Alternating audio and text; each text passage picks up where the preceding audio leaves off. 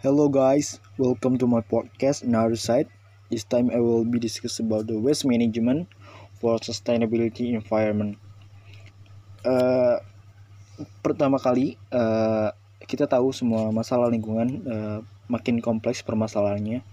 Semakin ke sini makin permasalahan itu semakin rumit uh, dan tidak kunjung diselesaikan dengan baik. Ini juga terjadi di lingkup paling terkecil di masyarakat kita tahu semua dari tingkatan keluarga, dari tingkatan RT, RW, kelurahan, kecamatan, kota, distrik, subdistrik, provinsi, sampai nasional dan internasional pun juga masih berkutat dengan permasalahan ini tentunya. Dan berkenaan dengan uh, kasus uh, sampah di Indonesia ini masih tergolong dengan sangat-sangat buruk.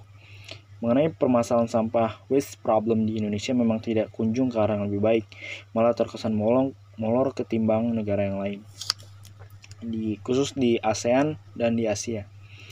Terlebih sampah plastik atau waste plastic waste yang sangat sulit untuk diatasi dan diurai. According to data uh, mengungkapkan bahwa di tahun 2025 nanti uh, sebelumnya kita tahu uh, warga para warga Jakarta setiap harinya menghasilkan sampah baru dan sampah tersebut pasti dikirimkan akan dikirimkan ke TPS A atau tempat pembuangan sampah terakhir akhir di Bantar Gebang di wilayah Bekasi Jawa Barat. Dan menurut data mengungkapkan bahwa di tahun 2025 nanti 2025 uh, Bantar Gebang TPS Bantar Gebang sudah tidak mampu lagi untuk menampung pembuangan sampah bagi warga Jakarta. Dan sebenarnya pada hari ini pun sudah termasuk ke dalam golongan yang uh, fase overload capacity di tempat pembuangan sampah akhir atau final, final disposal waste uh, in Bantar Gebang, Bekasi. Uh, for your information, uh, every day, every time, every day, 100 truck, big truck memuat kurang lebih 7000 ton sampah baru new waste uh, dari warga Jakarta dibuang di situ setiap harinya. Uh, for your reminder, this is uh, only in TPS Bantar Gebang, Jakarta, Bekasi saja. Uh, belum di TPS kota-kota besar lain seperti Surabaya, Makassar, Bandung, Medan, uh, Pekanbaru, dan lain-lain. Um, how we we handle it uh, this problem Tentu ini menjadi hal yang menjadi sangat concern untuk diperhatikan dan apabila jika terus dibiarkan begitu saja, mau sampai kapan kita akan sadar dan peduli. Apakah nanti ketika jumlah sampah di laut lebih banyak daripada ikan-ikan, sampah dibuang ke sungai pun bisa menjadikan air tercemar dan bisa menyebabkan banjir dan menyebabkan dampak uh, buruk yang lainnya. Sampah dibakar uh, menjadikan udara tercemar uh, dengan polusi, polusi udara. Sampah dibuang ke muara laut juga akan merusak ekosistem uh, di biota laut dan bisa jadi termakan oleh hewan-hewan laut dan mengakibatkan kematian hewan-hewan tersebut karena memakan sampah yang banyak dibuang ke laut.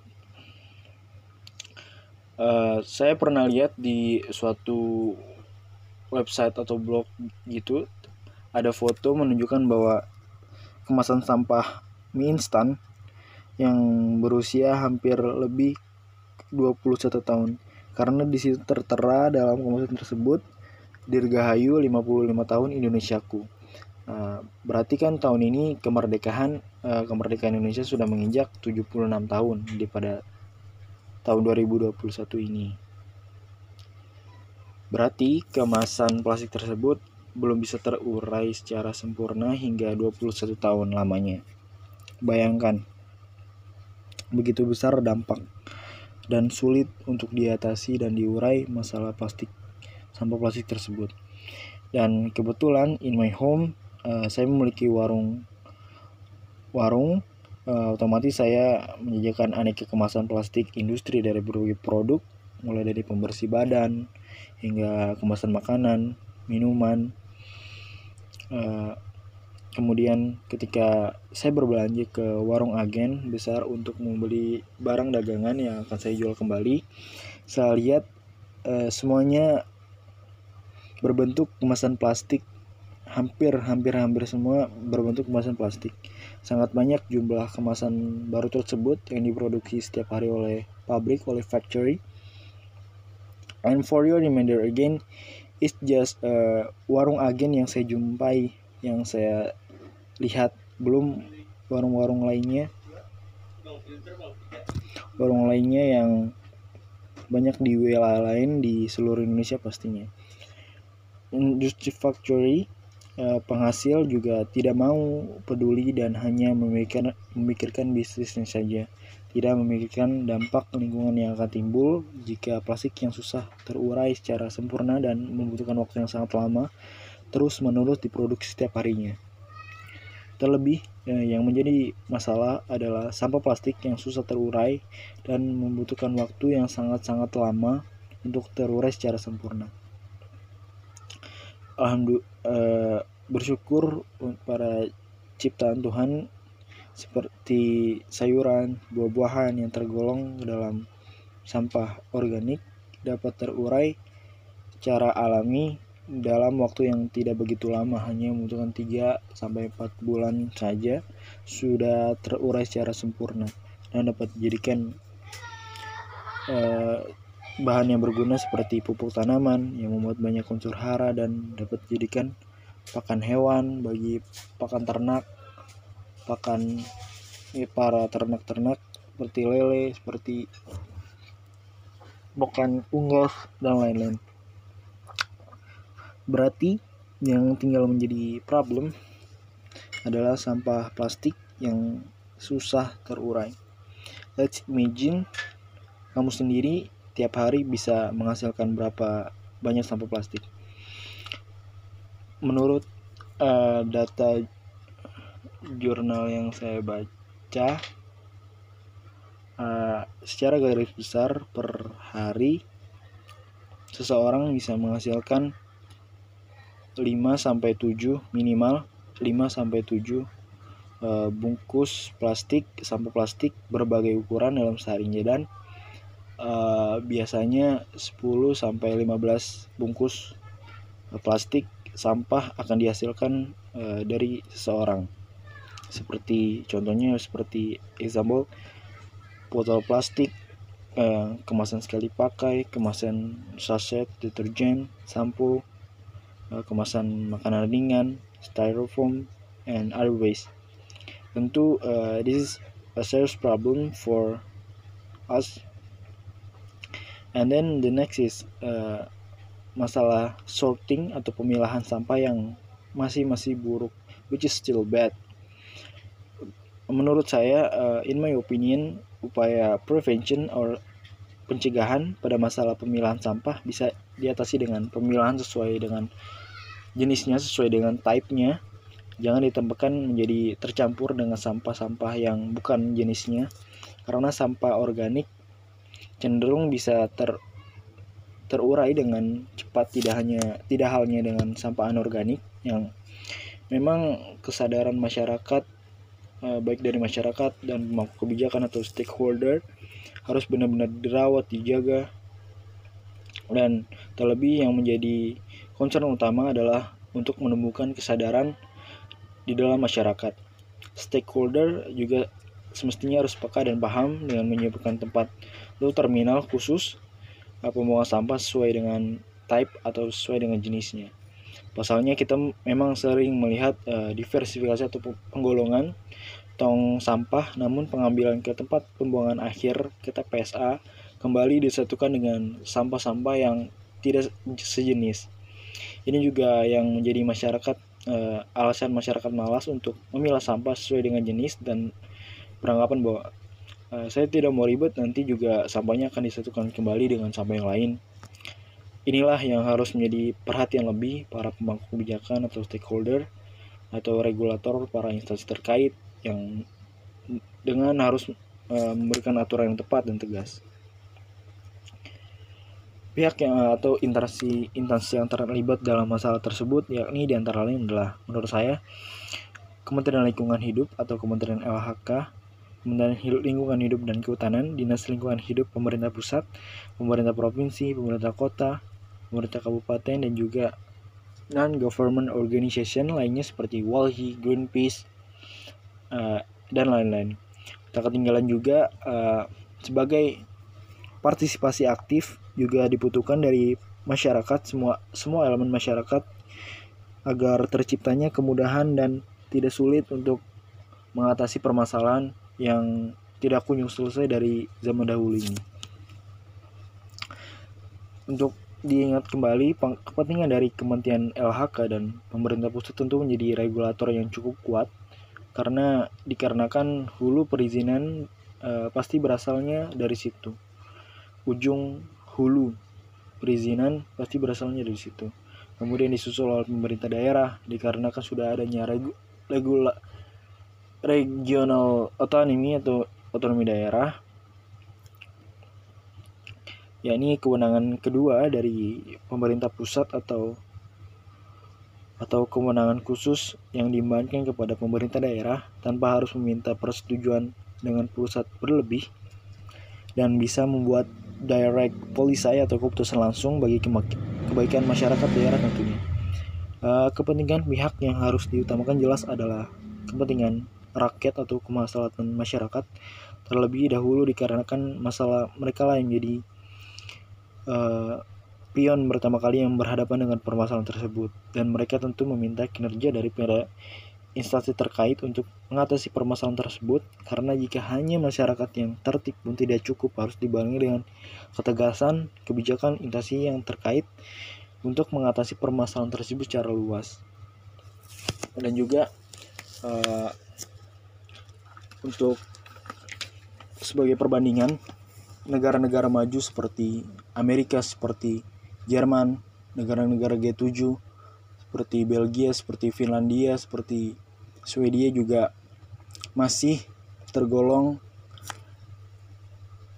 tergolong susah untuk belum begitu bisa mengatasi secara 100% untuk di Jerman saya lihat di uh, jurnal atau di video-video YouTube tentang Jerman juga uh, masih kewalahan tentang mengatasi permasalahan sampah ini terlebih pada sampah plastik. Jerman uh, negara Jerman masih masih hanya uh, mendaur ulang sampah plastik masih sekitar di range uh, persenan 60% dari 10, 100% sampah plastik yang bisa diurai. Tentu masih ada 40% yang masih belum bisa terurai secara sempurna dan 40% itu kebanyakan masih diekspor untuk ke negara-negara berkembang karena Jerman sudah tidak bisa lagi dan kewalahan mengatasi permasalahan tersebut. Bisa dibuktikan dengan adanya kontainer sampah-sampah bekas dari negara-negara Eropa di Indonesia salah satunya sebagai negara berkembang di Asia Tenggara seperti Bangladesh, India, eh, Filipina dan lain bisa dilihat di peti kemas di Tanjung Priok. Saya pernah melihatnya di berita-berita. Dan juga uh, dibutuhkannya teknologi. Karena negara besar saja seperti Jerman seperti negara-negara maju seperti lainnya negara Eropa tersebut masih kewalahan apalagi Indonesia yang masih jauh terbelakang. Dan perlu dibutuhkan adanya teknologi untuk mengatasi permasalahan ini. Kita bisa melihat tentang dan bisa belajar uh, ke negara Jepang uh, atau Singapura yang dia mengubah uh, daripada pengolahan listrik menjadi tenaga peng, sorry peng, pengolahan sampah sampah mereka menjadi tenaga listrik untuk menjadi uh, tenaga listrik yang alternatif. Dan juga sebenarnya di Indonesia sudah ada saya lihat di PLTSA namanya perus uh, pembangkit listrik tenaga sampah ber yang sudah saya lihat ada di Surabaya di Benowo Kecamatan Benowo Surabaya Kota Surabaya dan ada di Bantar Gebang juga ada tapi namun persentase produksinya sangat masih di ba di batas ambang minim dan belum bisa dimaksimalkan secara penuh. Untuk itu dibutuhkan sebenarnya teknologi untuk uh, menjadi tenaga-tenaga alternatif yang bisa mempunyai nilai ekonomis yang lebih gitu. Terus juga di Singapura bisa selain di uh, di menjadi dikonversikan menjadi tenaga listrik di Singapura juga di dibakar di incinerator begitu tapi di pada saat pembuangan emisi gas buang di di filter terlebih dahulu sehingga tidak menyebabkan polusi udara yang dapat membahayakan atau mencemarkan udara di sekitar gitu. Lalu juga tidak ketinggalan masalah sampah medis eh, bakanan juga pada saat pandemi sebelum pandemi juga masalah medis masih masih cukup menyumbang sampah yang cukup berbahaya dan bagi lingkungan di sekitar dan memberikan dampak yang bahaya. Terlebih di sebelum masa pandemi pun eh, rumah sakit eh, sampah medisnya hanya beberapa rumah sakit saja di Indonesia yang eh, mampu mengelolanya, mengelola sampah medis tersebut dengan terlisensi dan uji uji klinis yang benar-benar tersebut hmm, bagus. Dan kebanyakan mayoritas di rumah sakit Indonesia masih belum mampu untuk uh, mengatasi sampah medis tersebut. Apalagi di masa sekarang di masa pandemi banyak sekali sampah-sampah medis ber, berserakan seperti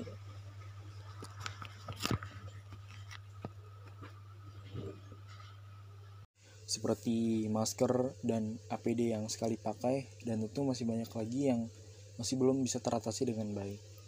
Untuk itu, uh, saya pribadi ingin mengajak semua uh, elemen masyarakat, uh, baik para pendengar dan sekitar untuk sebagai partisipan aktif untuk mewujudkan pengelolaan sampah waste management yang modern yang sustainable di Indonesia. Dan tentu butuh supporting dan dukungan dari semua uh, elemen masyarakat di dari semua pihak-pihak yang terkait dan juga generasi muda seperti kita yang lebih banyak untuk memikirkan bagaimana uh, untuk mengatasi permasalahan ini dan mencari jalan keluar atau problem solving uh, untuk kebaikan bersama. Nah, sekian dari episode kali ini. Mohon dukungan, kritik, dan saran untuk keberlanjutan podcast ini menjadi lebih baik lagi. Uh, see you in next episode. Uh, gue bilang salam. Bye.